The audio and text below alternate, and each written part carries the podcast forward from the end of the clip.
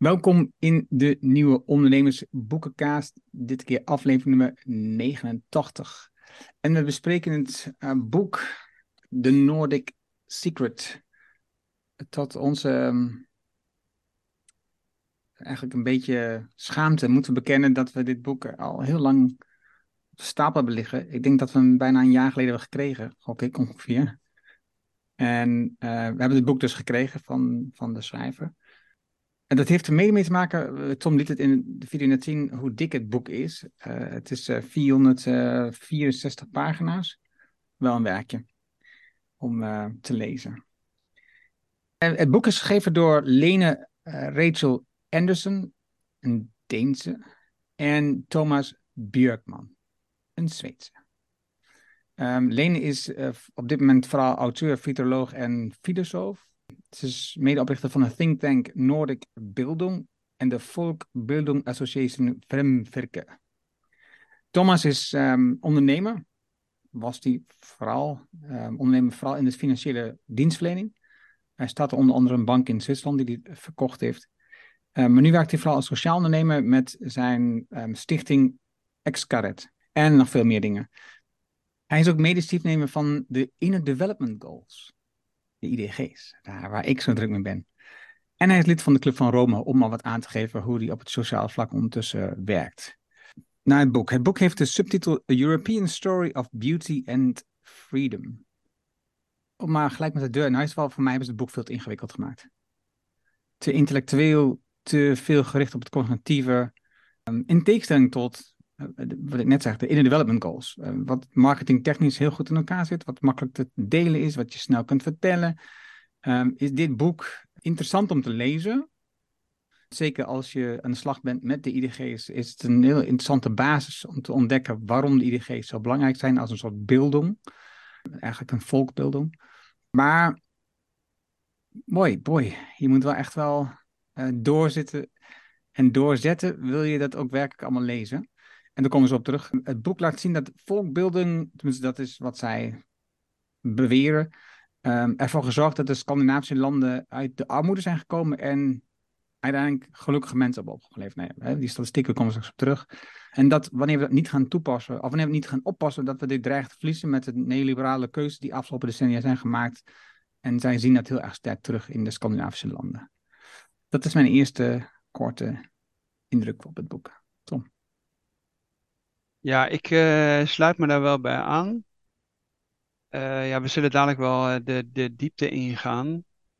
Ik had eigenlijk bij de titel verwacht.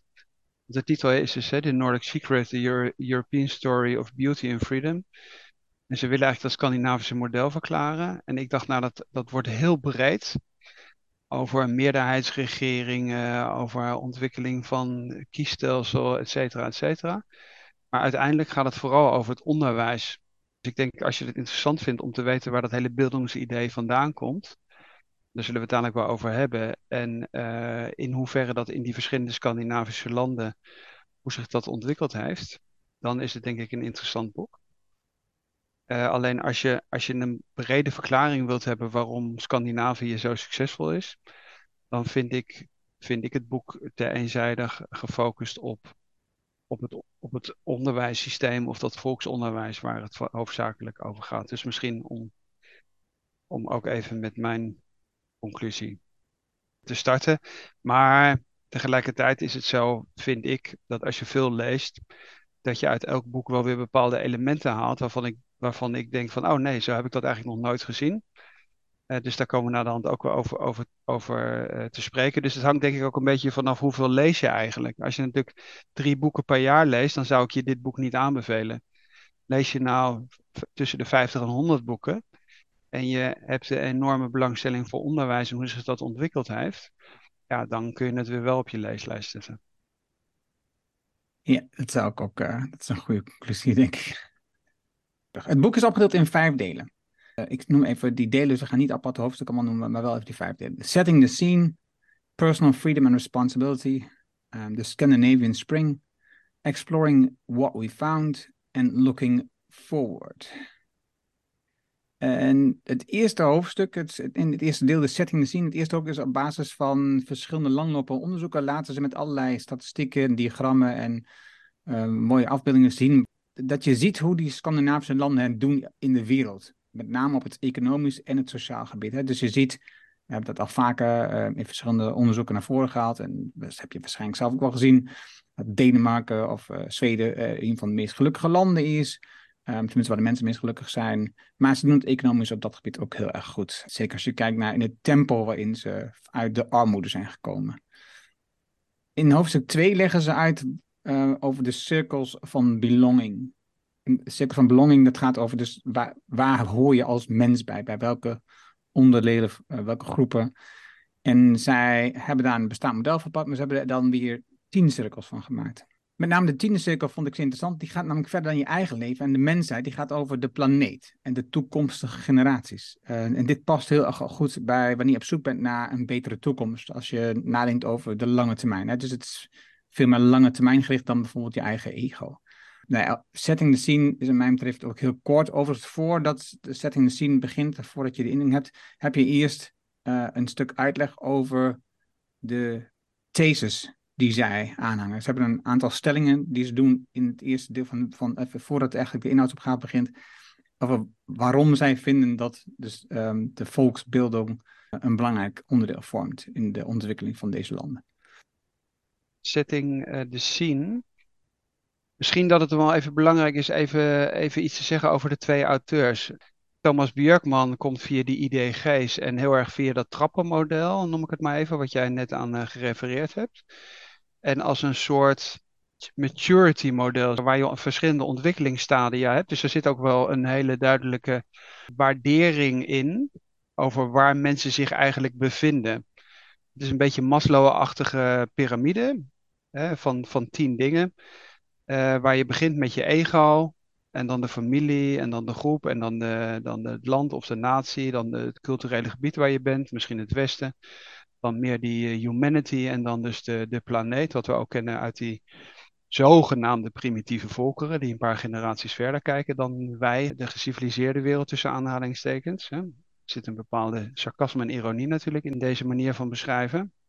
En het interessante is dat Thomas Björkman komt dus via die kant, raakt in gesprek met Lene, ik weet niet of ze Rachel Andersen of Rachel, uh, dat je het zo uitspreekt. En zij zegt van ja, maar dat idee van de verheffing komt uit de beelding. En zo zijn ze eigenlijk met elkaar in gesprek geraakt. En dan gaat dus dat voor een heel groot gedeelte, gaat het, is het eigenlijk, de, de, ik denk dat het eerste gedeelte van het boek gaat er eigenlijk over, omdat zij daar de specialist voor is. Dat zij eigenlijk uitlegt van ja, maar waar komt dat nou eigenlijk vandaan, dat hele beeldingsidee in Scandinavië en in diverse landen. En dat wordt eigenlijk in dat hoofdstuk in het begin uitgelegd. En dan zijn die, dat deel 2 en deel 3 die je nu net noemde, laten ze eerst zien waar komt beelding eigenlijk vandaan. Nou, dat komt uit Duitsland met name. En dan deel 3 is dan, ja, hoe worden die Duitse ideeën van die verschillende filosofen in Duitsland eigenlijk in Scandinavië geïmplementeerd, wat dan de Scandinavian Spring heet. Misschien dat even als, als soort overview. Ja, dat deel 2 en 3, dat is eigenlijk vooral een geschiedenisles wel echt gericht op dat beeldingsstuk. En jij noemt het dan onderwijs, maar eh, voor mij gaat het verder dan onderwijs. Want onderwijs is namelijk gewoon dat je naar school gaat in dit verhaal. Maar dit, dit gaat veel verder dan dat. En dat klopt. Het gaat over, met name de ontwikkeling van de vierde en vijfde laag. De self-authoring en self-transforming, zoals het dan heet. Je gaat terug in 350 jaar geschiedenis ongeveer. En hoofdstuk 6 is een, een heel kort hoofdstuk waar, iets, waar ze de link leggen tussen beelding en ontwikkeling van de ego het, wat je al zegt, dat zal waarschijnlijk voornamelijk vanuit Lena komen. Ja. Eh, de deel 3, daar is ook een aantal hoofdstukken, maar die gaan dus echt vooral over het ontstaan van beelding vanuit Duitsland naar Scandinavië. Dus uh, hoe, hoe heeft uh, zeg maar, in Duitsland zich dat ontwikkeld, de beelden, want daar komt het vandaan, zoals je al zei. Maar met name, hoe is dat dan verschoven um, richting Scandinavië, waarbij de logische stap is het begon in Denemarken, want ja, hè, dus het is nou direct verbonden en ook vanuit de oorlog gezien meerdere keren grenzen verschoven. Dat is interessant. En namelijk ook het verschil um, wat hier naar voren komt in dit deel, in het laatste hoofdstuk van dit deel, is waarbij in Duitsland beelding eigenlijk voor, vooral te maken had met de elite gepeupel, dat, daar, was beelding niet van toepassing voor. En in Scandinavië ging het dus juist over de volkbeelding. Dus het ontwikkeling van iedereen, van elk mens. Of juist van de niet opgeleide mens in de maatschappij. Eh, waardoor je die meeneemt in ontwikkeling. En daardoor ontstaat dus volgens ons een, een veel betere maatschappij. Wat denk ik wij al vaker besproken hebben, verschillende boeken, waarbij het gaat over gelijkheid en ongelijkheid. Dus hoe meer gelijkheid er is, hoe een, veel gelukkiger, uh, hoe beter het voor de samenleving is. Dus wat dat, wat dat betreft sluit het uh, zeker aan bij conclusies die we hier hebben ja, genoemd. Maar dan gericht alleen maar op beelding en dus niet op allerlei andere maatschappelijke ontwikkelingen. Ja, ik denk dat het een hele goede samenvatting is die je net hebt gegeven over de deel 2 en deel 3. Wat ik wel echt interessant vond, was inderdaad dat uh, part 2, dat tweede gedeelte. Waar eigenlijk, uh, en dat is denk ik voor de Nederlandse context ook heel relevant, uh, vanuit de Reformatie uitgelegd wordt, wat wij in principe ook wel kennen uit ons eigen onderwijs, dat op een gegeven moment Luther zegt van ja, die Bijbel, of de kerk of de mis, die moet, niet in, in, moet geen Latijnse mis zijn, waar, men, waar het normale volk of de gemiddelde burger helemaal niet begrijpt wat daar gezegd wordt. Nee, er eh, moet in de, in de landstaal moet, er, moet die mis plaatsvinden. Dat is het ware geloof. Dat kennen we natuurlijk uit Nederland ook.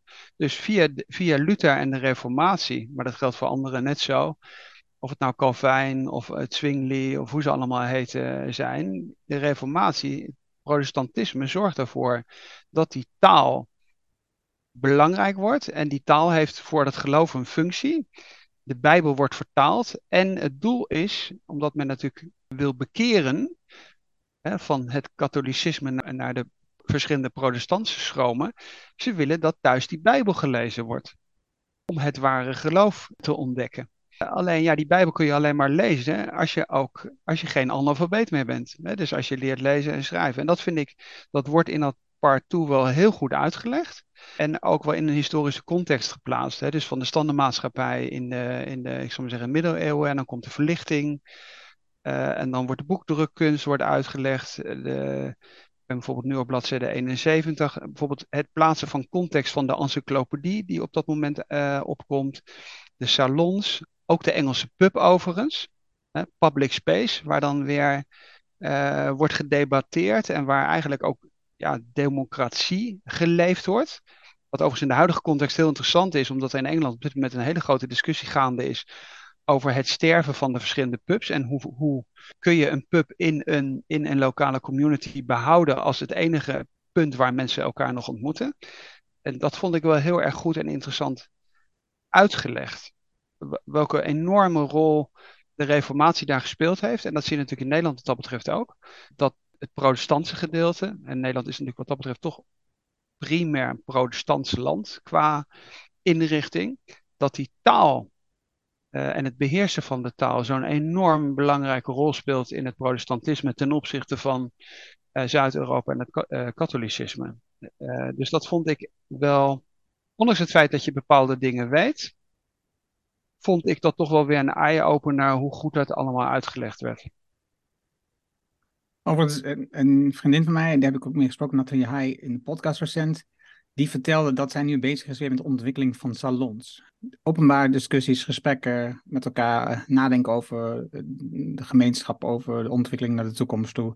Ja, dat zie ik rondom IDG's ook ontstaan. Niet alleen bij mensen, maar ook op school bijvoorbeeld. IDG's op, op de universiteit, hogeschool in Nederland maar ook in de wereld, die nemen echt enorm toe. Dus dat is wel, dat, en echt, dat gaat met een vliegwiel eigenlijk bijna vanzelf. Dus hartstikke mooi.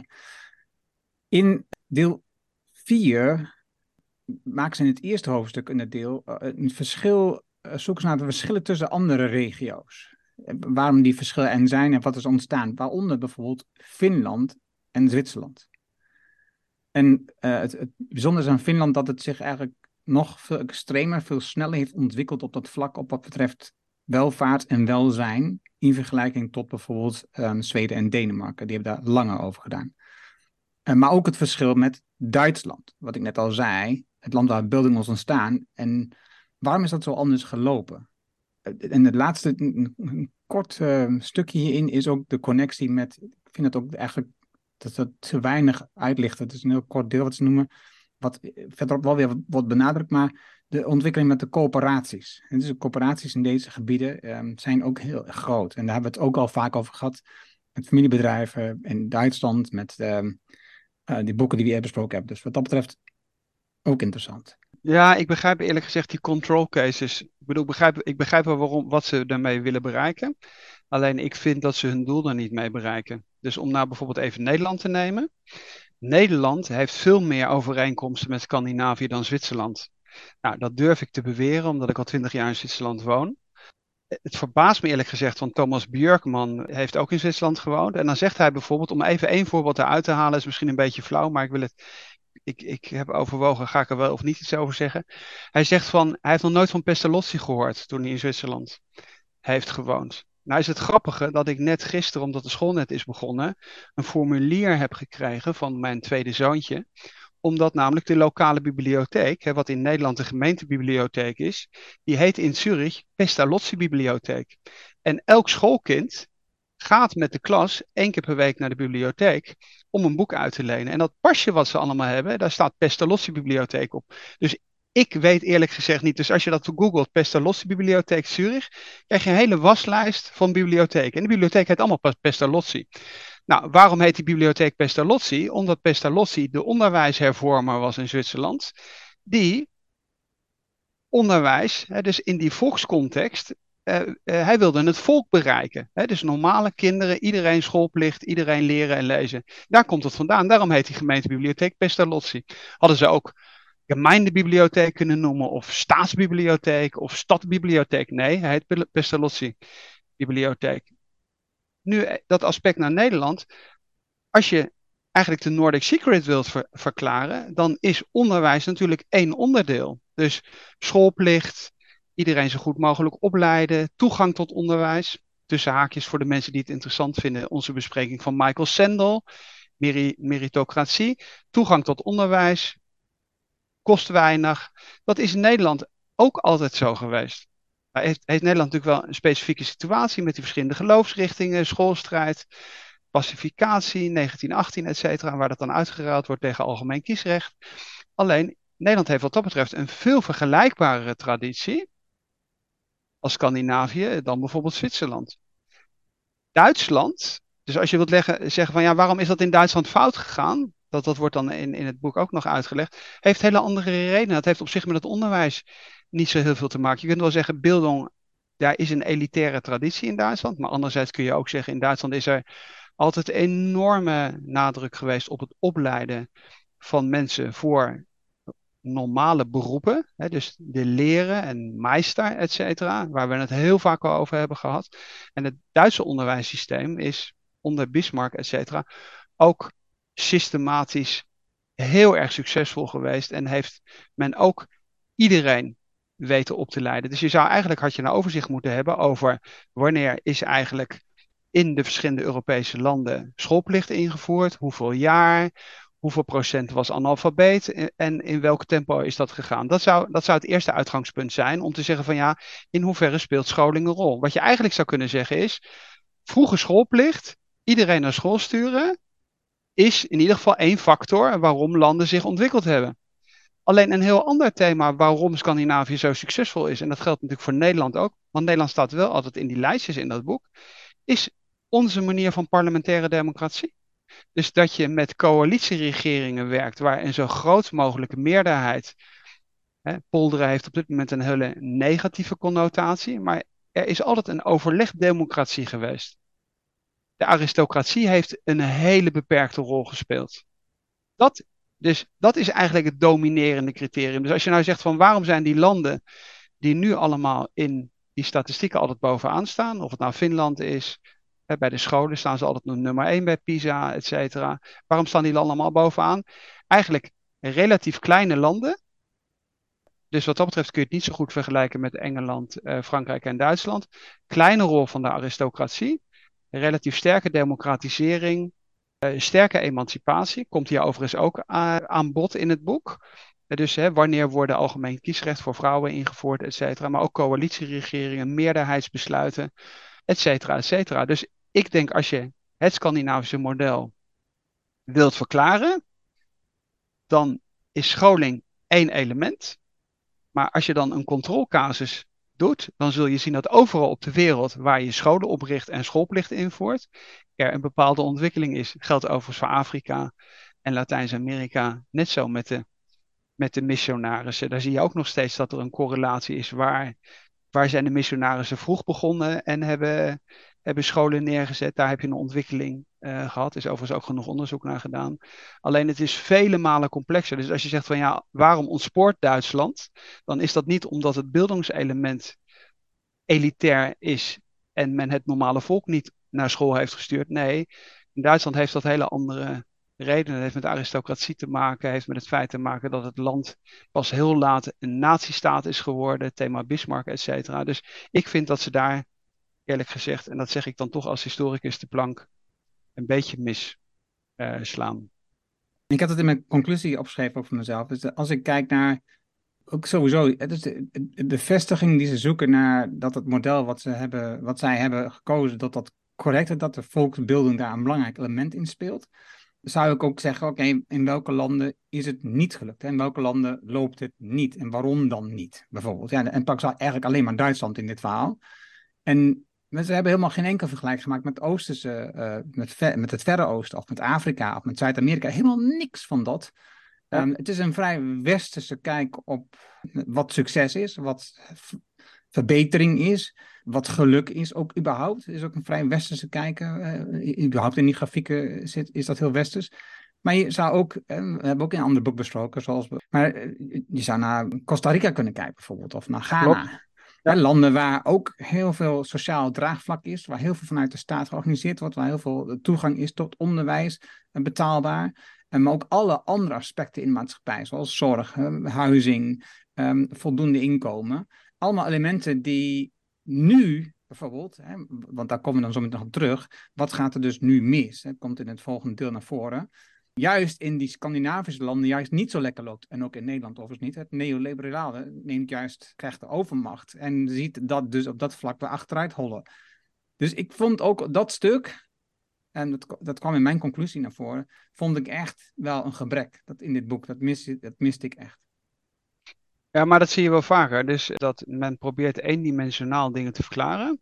En dan zou hier de controlecasussen, die zouden wat mij betreft kloppen die niet eens. Wat dat betreft nemen we bijvoorbeeld even het enorme succes van China van de afgelopen 25 jaar.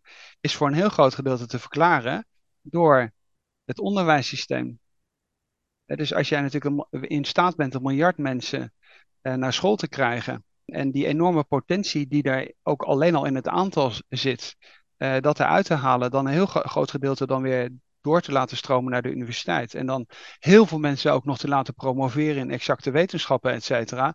Daar, dat is voor een heel groot gedeelte verklaart dat het Chinese Wirtschaftswunder, om maar even dat Duitse begrip uh, te gebruiken. Maar je zou andere casussen, wat jij net ook al zei, Costa Rica, Ghana, et cetera, we hebben ze in andere boeken hebben ze ook al zien langskomen. Je zou zelfs, dus je, we hebben ook ergens, ik weet niet precies waar dat is geweest in welk boek, maar er is dan bijvoorbeeld ook nog steeds een correlatie met bijvoorbeeld bepaalde plekken waar missionarissen naartoe zijn gegaan en bijvoorbeeld katholieke scholen hebben gesticht.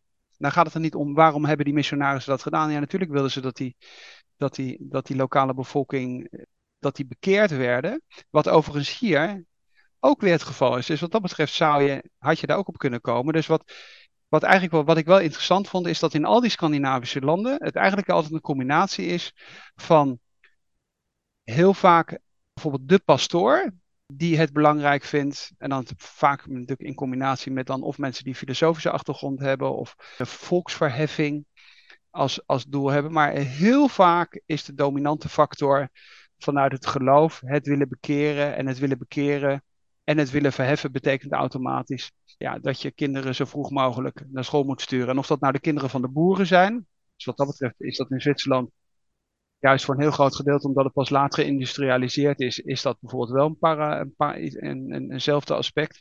Zeker als je hier de bergen ingaat, hè, van die, van die dorpsschooltjes, et cetera. Maar dat is bijvoorbeeld in Zwitserland pas heel laat geweest, omdat die kinderen, die moesten gewoon op het land werken. Dus dat is, uh, dat is eigenlijk veel later uh, gebeurd dan, uh, dan bijvoorbeeld in Nederland. Dus Het grappige is dat overigens in dat boek, als het dan over Zwitserland gaat, dat tegelijkertijd wordt gezegd van ja, anderzijds klopt het ook wel helemaal niet, want er staat dan bijvoorbeeld op bladzijde 313, the Nordics have very liberal values, the Swiss are relatively conservative. Nou, dan komen er nog een aantal andere dingen. En dan denk ik van ja, dat klopt. Terwijl bijvoorbeeld juist die landen, dat zou je nog wel kunnen zeggen, de landen die, en dan ben je weer bij dat, bij dat gelijkheidsthema. Je kunt eigenlijk zeggen de landen die het meest gelijk zijn, dat was misschien een beter uitgangspunt geweest, die doen het naar verhouding het beste. En dan zou dat ook logischer zijn met het gedeelte wat dan nu komt, dat je zegt van ja, wat is eigenlijk de grote bedreiging van ons systeem? Ja, eens. En wat wel bijzonder is, in, wat is hoofdstuk 14 met name, waarin ze dus in mijn optiek ook een beetje te veel van hun eigen perspectief uitgaan, dit verhaal. En het vrij eenzijdig belichten. Een van de belangrijkste pijlers onder waarom ze vinden dat het misgaat, heeft te maken met het onderwijs, de verandering van het onderwijs. En dat halen ze onder andere uit de eerste uh, tekenen die zijn dat, nou, dat, het, dat dreigt mis te gaan met het gebruik van uh, antidepressiva. Ja. Dat is een tabel over antidepressiva. Dat is, dat is een van de belangrijke pijlers waarom het dreigt mis te gaan. Waarbij opvallend uh, Denemarken en Zweden uh, bovengemiddeld uh, toename is. Maar nog veel meer. IJsland bijvoorbeeld, die staat echt helemaal bovenaan. Ja. In het gebruik van de. Dus ook daar weer denk ik, ja, hmm, ik weet niet, ook niet echt een hele sterke conclusie waarom het nu echt dreigt mis te gaan. In hoofdstuk 15 hebben ze nog een aantal interessante inzichten over um, vrijheid. Nou, oké. Okay de verschillende wijzen waarop wij naar vrijheid kijken, bijvoorbeeld in Frankrijk en Amerika en het Verenigd Koninkrijk eh, en ook in Scandinavië. Uh, op pagina 343 vond ik nog wel een interessante afbeelding over de transities van de verschillende lagen en ontwikkeling van de mens. En vanuit verschillende uh, geschiedenissen, filosofen en geleerden bekeken. Ik vond, ik vond dat wel mooi om te zien hoe, je, hoe dat verschilt allemaal.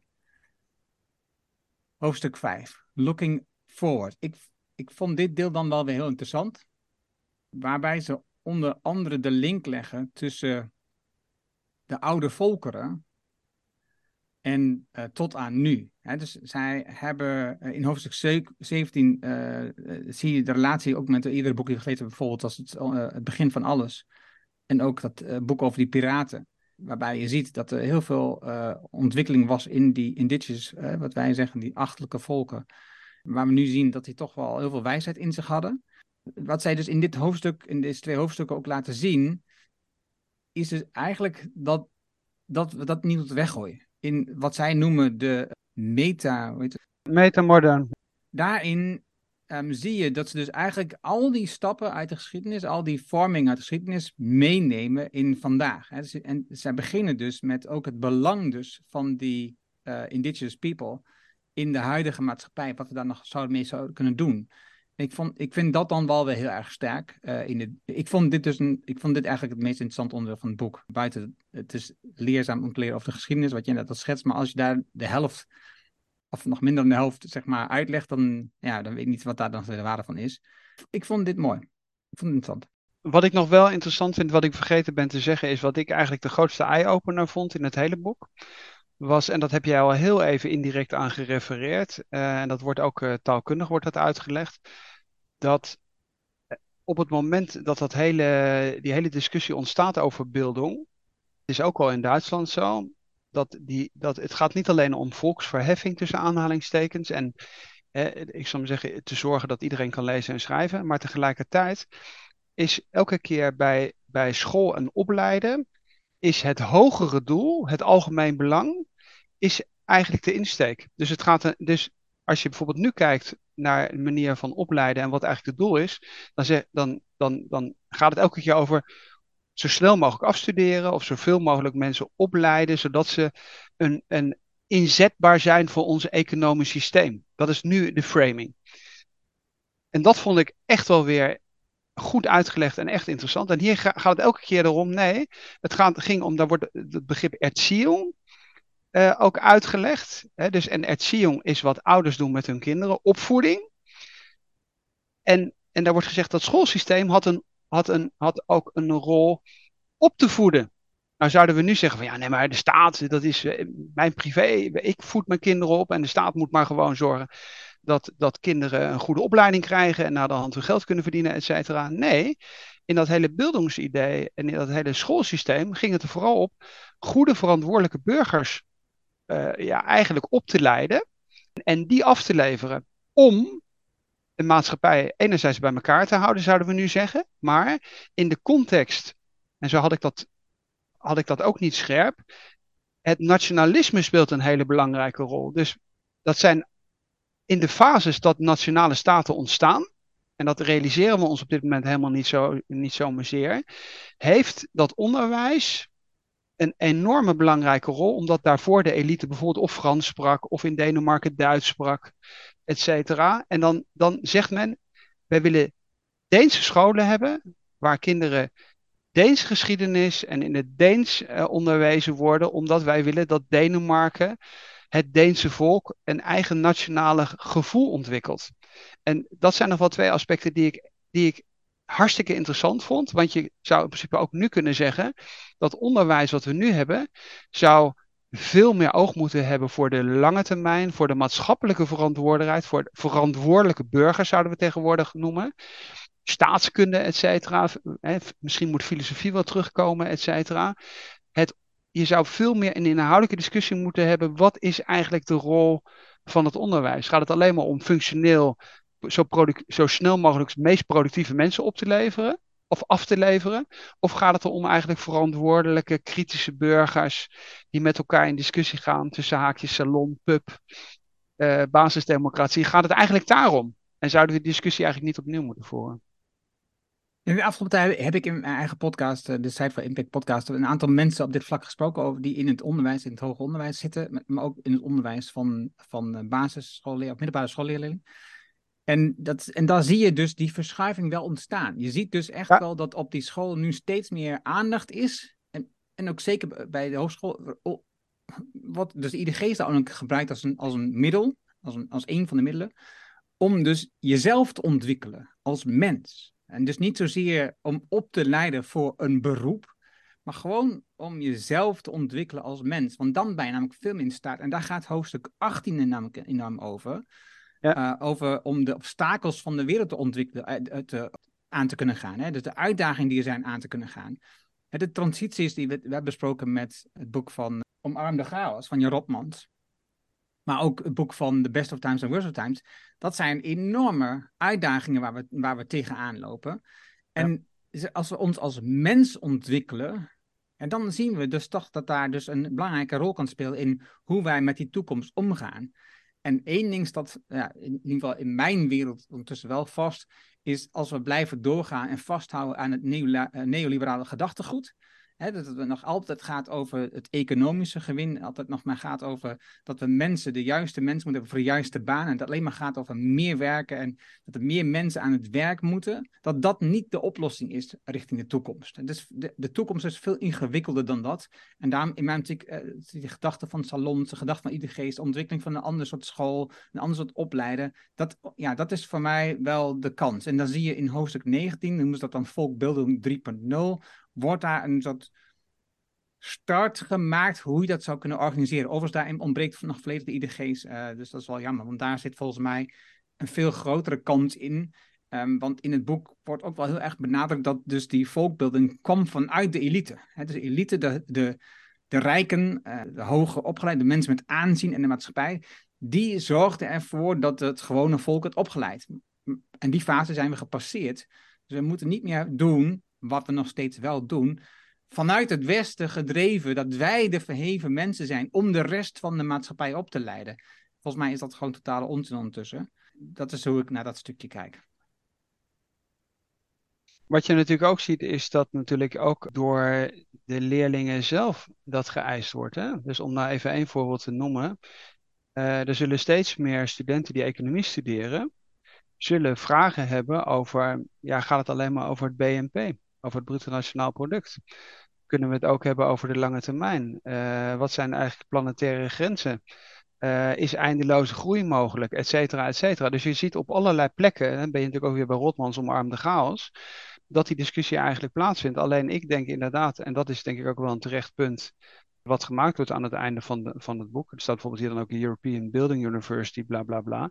Je zult ook bijvoorbeeld in een globalere context, hè, want vroeger was het, hè, wat ze beschrijven, gaat het over de ontwikkeling van, van de natiestaat. En nu kunnen we als, als landen kunnen we een hele hoop problemen, juist als het om al die planetaire grenzen gaat, helemaal niet op een nationale schaal regelen. Ja, gedeeltelijk wel, maar gedeeltelijk ook niet. Dus je zult heel erg moeten kijken ook naar een waarschijnlijk Europese EU, voor ons waar wij dan leven, in onze EU-context, veel meer moeten kijken, ja, wat is eigenlijk de rol van het onderwijs en die maatschappelijke transitie is natuurlijk, en dan heb je ook weer de koppeling met het verleden, altijd het makkelijkste om te beginnen bij de volgende generatie. Dus de meest efficiënte manier om een maatschappij te transformeren is op school opnieuw te definiëren wat is eigenlijk zo relevant voor, voor die generatie. En, en, van, en van daaruit dat dan, dan, uh, dan te definiëren. En, ik zeg niet dat het vakkenpakket, dat je dat in één keer omver moet gooien. Maar uh, de klassieke discussie die we natuurlijk vaak hebben is al die, die levensvragen. En dan ben je toch natuurlijk weer bij de filosofie. Er zou een veel belangrijkere rol moeten spelen. En ja, en dan, tegenwoordig heet het dan resilience. Ja, eigenlijk moeten we tevreden, zelfverantwoordelijke burgers opleiden die samen en weer ben je toch ook een beetje, we hadden het even voordat de podcast begon over het verkiesbaar stellen van omzicht.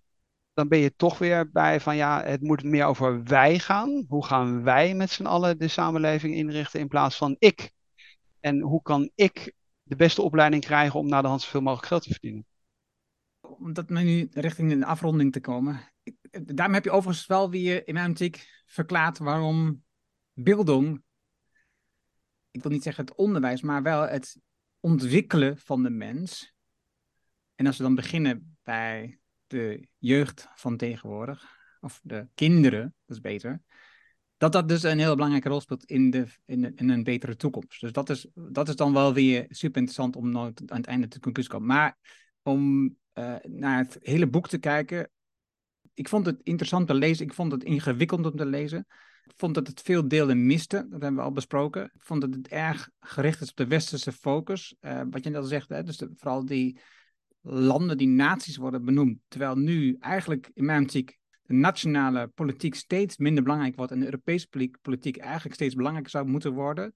Hè, dus als Europa kun je veel beter dingen met elkaar organiseren dan als een, als een land als Nederland en Denemarken, omdat we eigenlijk gewoon veel te klein zijn. Wat je dat schetst, hè? dat heb je te maken met hele grote landen als Duitsland en Frankrijk om ons heen bijvoorbeeld. Maar ook ja, de Oosterse kijk op het onderwerp. Hoe zitten zij erin? Waarom is het zo anders? Waarom is er zo'n verschil tussen China en India? Hè? De twee enorm grote naties. Hoe, eh, waarom is het verschil in ontwikkeling zo anders in die naties bijvoorbeeld te noemen? Wat gebeurt er op het Afrikaanse continent op dit moment? Um, hoe kunnen we, eh, waarom is scholing van meisjes en vrouwen zo belangrijk, bijvoorbeeld? Hè? Dat hebben we ook al eens benoemd in het boek Drawdown bijvoorbeeld naar voren gekomen. Dat een van de belangrijkste elementen voor de ontwikkeling naar een nieuwe toekomst toe, hè, voor een betere aarde, dat heeft, uh, daar staat de ontwikkeling van meisjes en vrouwen staat in, in de top 10. Top 5 zelfs. Dus dat is, dan zie je dus hoe belangrijk ontwikkeling van de mens, scholing van de mens, een belangrijke rol speelt. Ik denk dat ze best wel wat elementen hebben laten liggen in dit boek. En dat kun je aanvullen met eerder boeken die besproken is, zoals bijvoorbeeld de Spirit Level en andere boeken die we al genoemd hebben in, dit, eh, in onze podcast tot nu toe. Tom? Ja, ik heb eigenlijk niet zo heel veel toe te voegen. Kan naast niet, je hebt altijd een mening. nou, in principe wat ik, wat ik al eerder heb gezegd, ik denk dat, ja, en daar hebben we het ook al vaker over gehad, we hebben natuurlijk ook nog een ander boek liggen, dat ik jou nog moet toesturen, Too Small, Too Veel, van overigens een Amerikaan die in Zwitserland woont. Ik denk dat dat Scandinavische model waanzinnig interessant is. Scandinavische model tussen aanhalingstekens. Hè, uh, waanzinnig interessant is. Ik vind dat er naar verhouding weinig over geschreven is. Of in ieder geval weinig. kan best zijn dat het over geschreven is, maar dan, dan worden de boeken niet, niet besproken. Dus ik denk dat voor ons daar. Ik wil niet zeggen een opgave ligt, maar de manier waarop wij in de wedstrijd zitten, denk ik dat het erg interessant is, juist in die Scandinavische landen te duiken. Uh, onderwijs is één, is één thema, maar het is veel, veel breder. En die maatschappelijke discussie over basisdemocratie, burgerberaden, die overal gevoerd wordt, klimaat, eh, jeugd, onderwijs, et cetera, is natuurlijk heel breed en heel complex. Uh, en het zou zeker zinvol zijn. En dan kun je best over zo'n statistiek van de depressief aannemen. En, dan, en dan proberen te verklaren, ja, waar ligt dat dan aan? Ja, dat heeft met bestaansonzekerheid, ontbreken van geborgenheid, te veel egoïsme, ontbreken van het grotere collectieve plaatje. Om het maar even in het Nederlands uit te drukken. Daar heeft dat allemaal mee te maken, ja. vertrouwen, hè, de voordeur die nog open staat ergens in Scandinavië, et cetera. Dat, dat, zijn dingen. Maar dat is, heel, dat is een heel groot complex, uh, uh, ja, complex thema. En, uh, dat gaat niet alleen maar over onderwijs. Ik moet nog denken aan de woorden die Pieter van Os, die zit veel in Zweden, die wij beiden kennen. Die, hoe hij vertelt over hoe Zweden zo anders is omgegaan met het coronarisico's die er waren. Hoe, hoe, vertrouwen daar nu, er ook, nu jij dat zo zegt, hoe daar vertrouwen bijvoorbeeld een heel belangrijke rol Vertrouwen in de medemens, hoe zij omgaan met elkaar. Het speelt daar een belangrijke rol, zonder dat het van de, uit de overheid heel streng wordt opgelegd. Dat was hem. Uh, dankjewel voor het luisteren naar um, onze besprekingen en kritische opmerkingen over de Nordic Secret van Lene, uh, Rachel, zeg ik maar, Anderson en Thomas Björkman. Hopelijk ga je meer van dit soort uh, verhalen van ons horen, omdat, wat we net al zeiden, daar interessante elementen zitten die we eigenlijk ja, te weinig zien in, in deze ontwikkeling. En misschien ook zelfs wel, wat je net al beschreef, de ontwikkeling van bijvoorbeeld China. Wat gebeurt daar? Dat, kunnen we daarvan leren. Dankjewel voor het luisteren en graag tot de volgende aflevering. Dankjewel Tom. Dankjewel Enno.